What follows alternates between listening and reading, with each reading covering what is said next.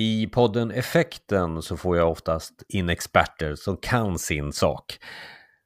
För någon månad sedan så tog jag in ett antal experter i samma rum och vi pratade om internets framtid.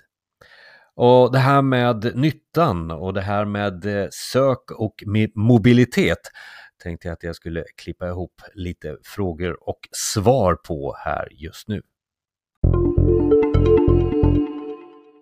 Jag tänker också lite sån här luthersk inställning att allt ska generera nytta. Att de ska lära sig liksom kinesiska så fort de öppnar YouTube. Alltså vi människor älskar ju bara ha roligt. Alltså bara eh, få flyta iväg och göra ingenting i två timmar. Så man ska nog inte underskatta styrkan i de tjänster som erbjuder just det. Eh, och där tror jag att Youtube gör ett alldeles lysande jobb också. Sen kan man väl såklart hoppas att, ja men shit det här samtidigt så ska du ju lära dig något också. Men man ska aldrig underskatta den här drivkraften hos människor att bara få eh, slappna av lite och inte göra så mycket. Eh, är, är internet sök i framtiden?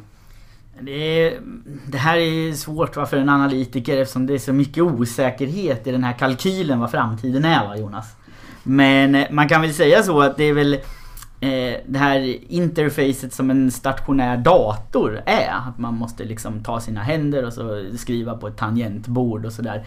Det är ju lite märkligt om man tänker efter. Alltså det, det tvingar oss att vara på ett ställe och det liksom begränsar oss ganska mycket.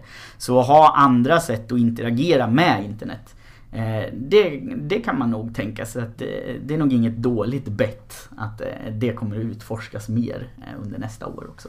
Ja, men jag tänker om man, en omvänd resa, om jag har växt upp med mobil då blir det en jävla begränsning när jag helt plötsligt måste sätta mig ner framför en dator för att göra det jag vill göra.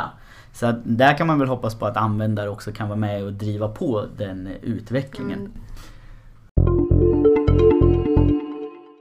Är statistiken, eh, Johan, är det mobilt som gäller? Internet? Mm. Det får man väl säga att det är det som växer absolut eh, mest. Men det är ju för att eh, den här stationära användandet typ har slagit i taket redan. Alltså kan inte spendera mer tid sittande framför eh, liksom skärmen. Utan mobilen kom ju där och fyllde en lucka liksom. Nu kan du använda den precis innan du ska gå och lägga dig och när du vaknar på morgonen liksom. Så visst, där är ju den delen som växer mest i användandet.